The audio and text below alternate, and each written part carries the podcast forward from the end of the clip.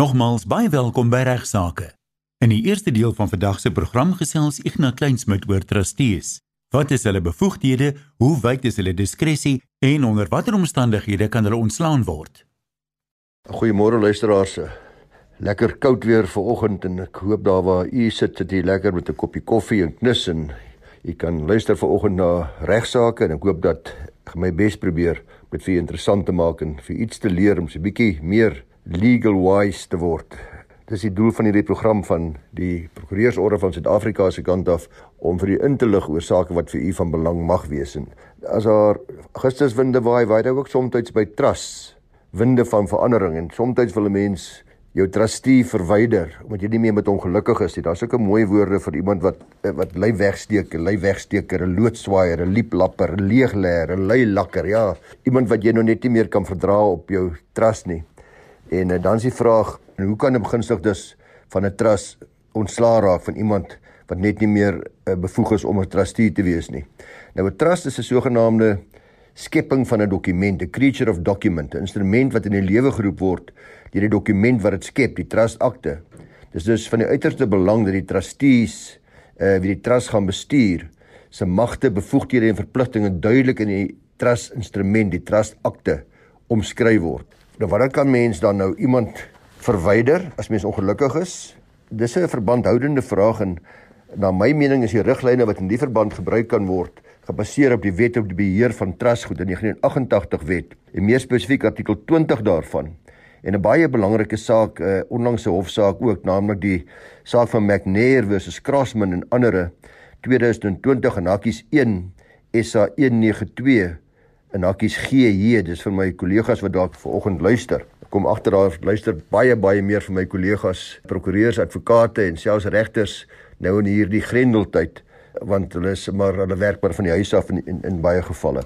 Nou beide begunstigde as ook 'n trustee kan inderdaad hofbevel kry om 'n trustee te verwyder indien hulle kan aantoon en kan bewys dat hierdie spesifieke trustee byvoorbeeld skuldig is aan wangedrag tydens die uitoefening van sy verpligtinge as trustee deur byvoorbeeld trustfondse in stryd met die trustakte tot sy eie voordeel aan te wend. 'n duidelike botsing van belange byvoorbeeld.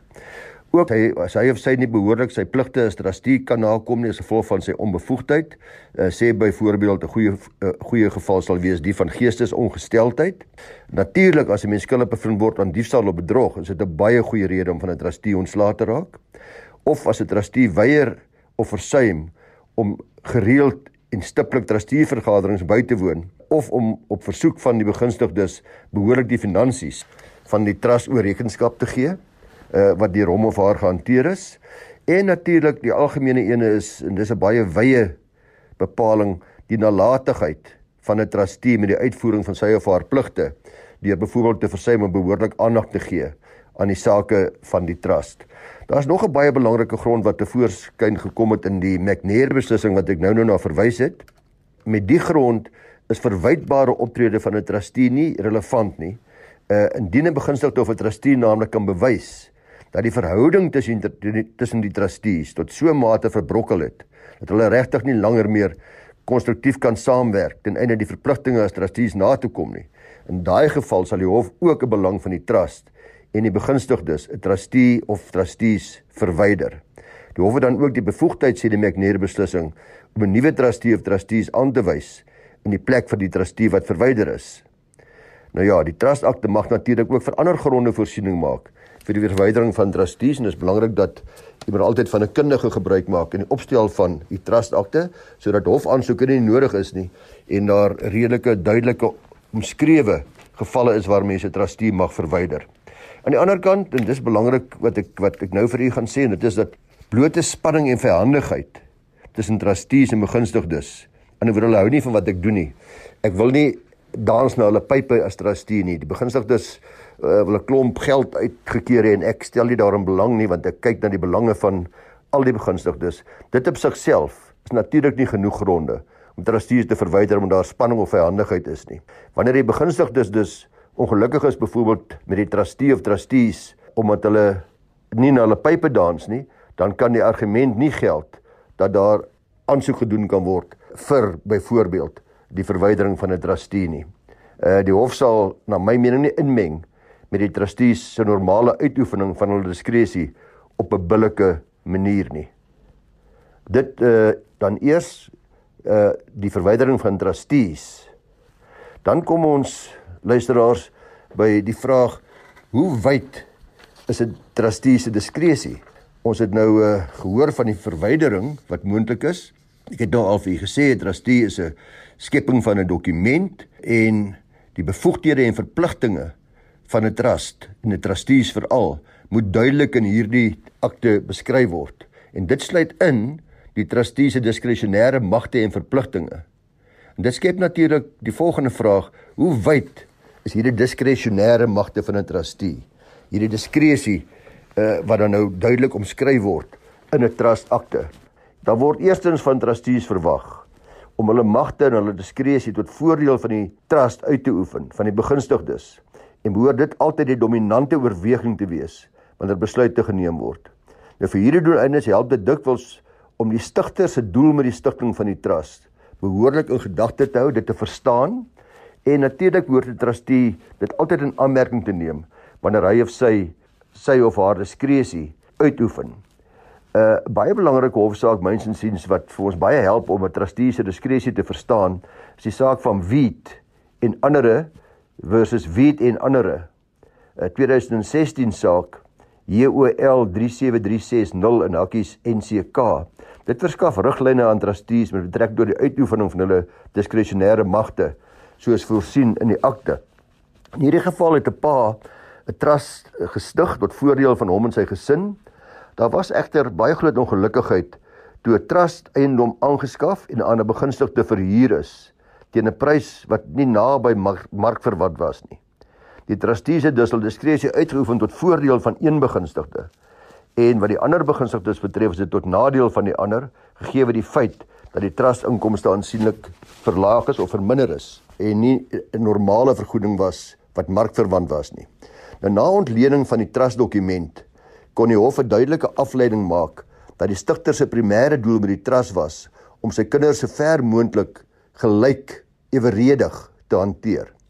Die klousule wat voorsiening gemaak het vir die trustee se diskresie om een begunstigde bo ander te bevoordeel, uh daar was so 'n klousule, maar dit het duidelik gemaak dat hulle kon dit slegs in uitsonderlike omstandighede daardie diskresie uitoefen. Die trustees in hierdie geval van Wheat kon nie die hof tevrede stel dat hulle hulle diskresie onafhanklik uitgeoefen het nie. Inteendeel was dit vir die hof baie duidelik uh dat hulle inderwaarheid deur die stigter van die trust gemanipuleer is om net na sy pype gedans het en alles gedoen het wat hy sê sonder om behoorlik die belange van al die begunstigdes in aanmerking te neem.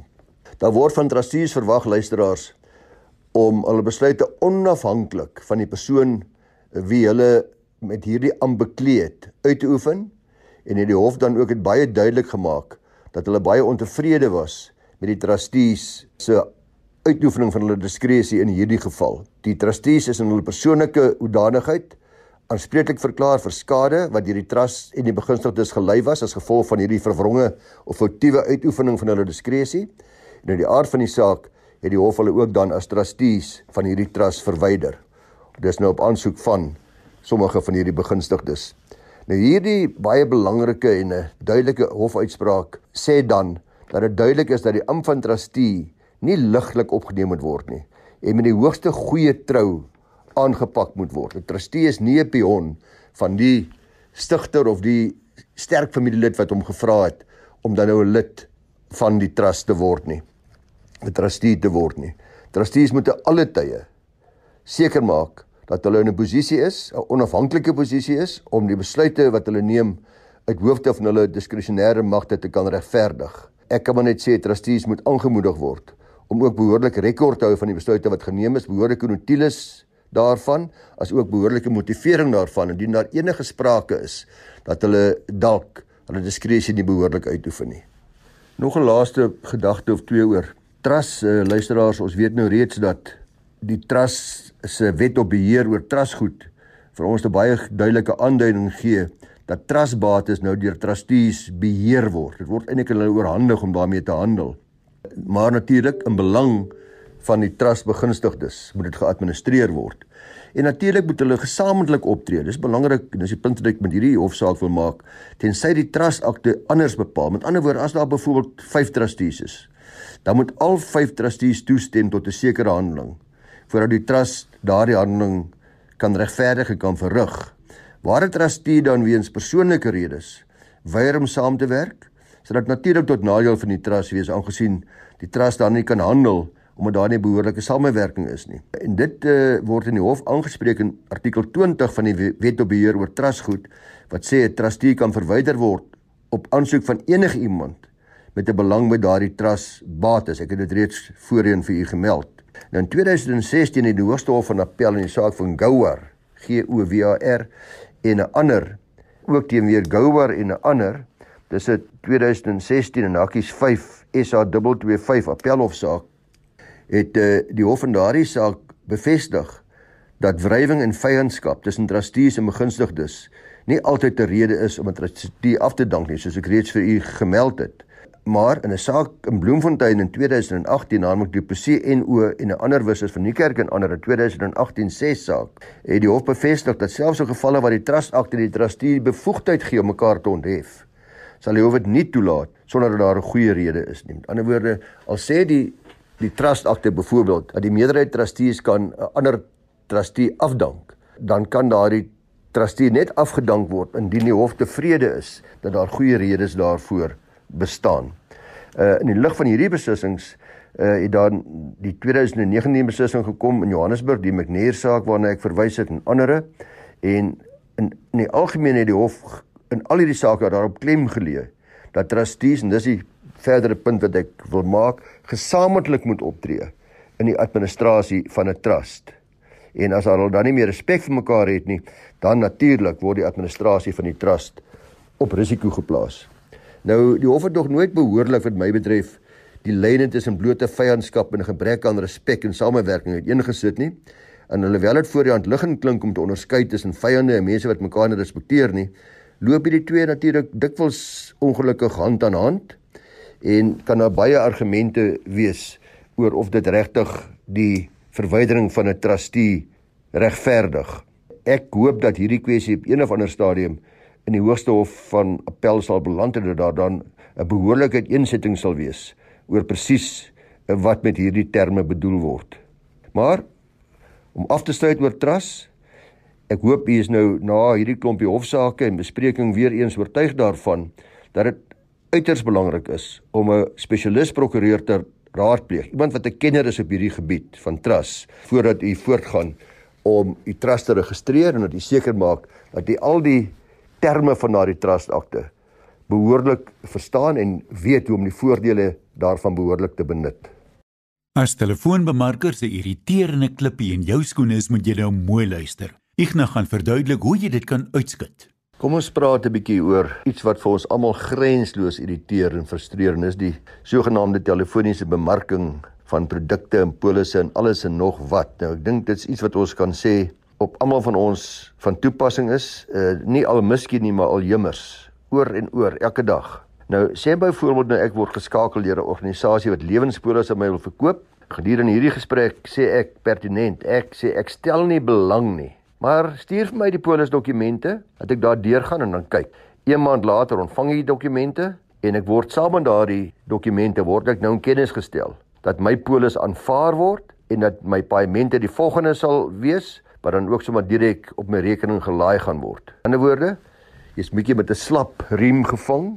Die feit dat jy so effens gebyt het aan hierdie telefoniese bemarking het jou nou in die moeilikheid. Wat kan ek doen in so 'n geval? Die Wet op Verbruikersbeskerming, asook die Wet op Beskerming van Persoonlike Inligting, is die CPA Wet en die POPI Wet, is albei van toepassing op alle telefoniese bemarking van produkte. Nou, die reg van die verbruiker natuurlik eers op privaatheid en die reg op billike en eerlike bemarking eh, word baie pertinent aangespreek en dit is natuurlik belangrik dat dit is van toepassing in die geval wat ek nou gemeld het vir ongevraagde elektroniese kommunikasie kom ons noem dit nou maar spam is artikel gemorspos eintlik is artikel 45 van die wet op elektroniese kommunikasie van transaksies van toepassing. Die wet op verbruikersbeskerming gee 'n persoon die reg om te eis, let wel, te vereis dat enige onderneming wat hulle per e-pos SMS of telefonies kontak, dit onmiddellik staak en nie weer met hulle kontak maak nie. So ek het 'n reg om vir hulle dit te sê, sê ek asseblief. Ek wil nie weer van julle hoor nie en in terme van die wet op verbruikersbeskerming geniet ons almal natuurlik die reg op privaatheid. Ons het die reg uh om ons privaatheid en ons vertroulikheid te beskerm teen hierdie ongevraagde bemarking en om ongewenste SMS'e ensovoorts al hierdie spam e-posse te weier en verder het ons almal die reg om te enige tyd ontvangs van direkte bemarking te staak. Uh ook die reg om ongevraagde direkte bemarkingsdienste te blokkeer. Maar natuurlik, ons weet almal is nie so maklik nie. Ons is nie almal ewe elektronies tegnies goed aangelê nie.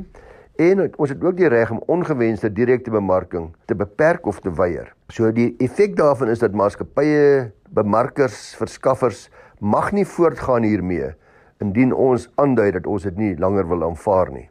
Nou hierdie selfde artikel 40 bepaal ook dat verskaffers geen dwang of onbehoorlike invloed of druk of spanning of tuistering of onregverdige taktik of enige ander soortgelyke optrede mag gebruik tydens die bemarking van goedere of dienste nie. Ook dit sal tot gevolg hê dat die optrede teenstrydig is met die wet op verbruikersbeskerming en gevolglik ongeldig geag sal word. Nou wat kan ek doen? Uh wat is prakties? Wat gebeur prakties? Dis belangrik om eers te vra dat hierdie sentrum jou onmiddellik van hulle kontaklys moet verwyder. In 'n ander woorde, wanneer jy geskakel word of gekontak word, dan dan reageer jy dit sê verwyder my asseblief van julle kontaklys. Stel die organisasie dis in kennis dat ek weier om verdere bemarkingsmateriaal van julle te ontvang of verder gekontak te word. Nou, dikwels ek doen dit baie gereeld, soms effektief, soms glad nie effektief nie. Steur hulle nie daarin nie. En indien dit nie help nie, dan moet dit nou ongelukkig dan kom dit nou by moeite uit. Uh, want dan moet ek 'n klag indien by die nasionale verbruikerskommissie teen hierdie betrokke bemarker of verskaffer of organisasie en aangesien die nasionale verbruikerskommissie nie al hierdie klagtes kan hanteer nie, sal hulle gewoonlik dan 'n geskilbeslegtingsproses of 'n arbitrasie as 'n eerste uitweg voorstel tussen my en hierdie persoon teen wie ek of die groep of maatskappy teen wie ek gekla het. Uh daar vind dan nou so 'n arbitrasie plaas of 'n geskilbeslegtingsgesprek vind plaas. In daai gesprek sal gewoonlik maar sê ons beloof om dit nie weer te doen nie en as dit nou sogenaamd afgehandel. Maar as dit nie slaag nie, dan raai die nasionale verbruikerskommissie verbruikers aan om weer met hulle kontak te maak en die die kantoor in u provinsie sal die saak dan na die nasionale verbruikerstribunaal verwys. Daar is so 'n tribunaal, is maar 'n hof, 'n tribunaal uh om behoorlik daaraan aandag te gee. En in daardie geval is daar dan 'n redelike ernstige gevolge vir hierdie persoon uh as daar bevind word dat hy hierdie wet op een of ander wyse oortree. So luisteraars, nie 'n maklike pad nie, nie 'n eenvoudige paadjie nie. Groot frustrasie en die meeste van ons sal gewoonlik maar net besluit om dit dood eenvoudig te ignoreer, maar daar is 'n uitweg. Ek ontvang 'n skrywe vanaf uh, mevrou Asie Fourie. Sy sê sy en haar eggenoot is op 2 Januarie 1960 buite gemeenskap van goedere getroud. Uh, hulle het wel 'n gesamentlike testament opgestel aanvanklik met die bepaling dat die langslewende erf alles in geval van gelyktydige afsterwe erf die twee seuns in gelyke dele. Maar uh, ongelukkig gaan hulle toe voort om nuwe testamente op te stel uh, na aanleiding van advies van 'n een van die uh, finansiële adviseurs van 'n groot bank en uh, hulle doen dit ook omdat uh, die eggenoot haar eggenoot baie duidelike tekens van Alzheimer getoon het.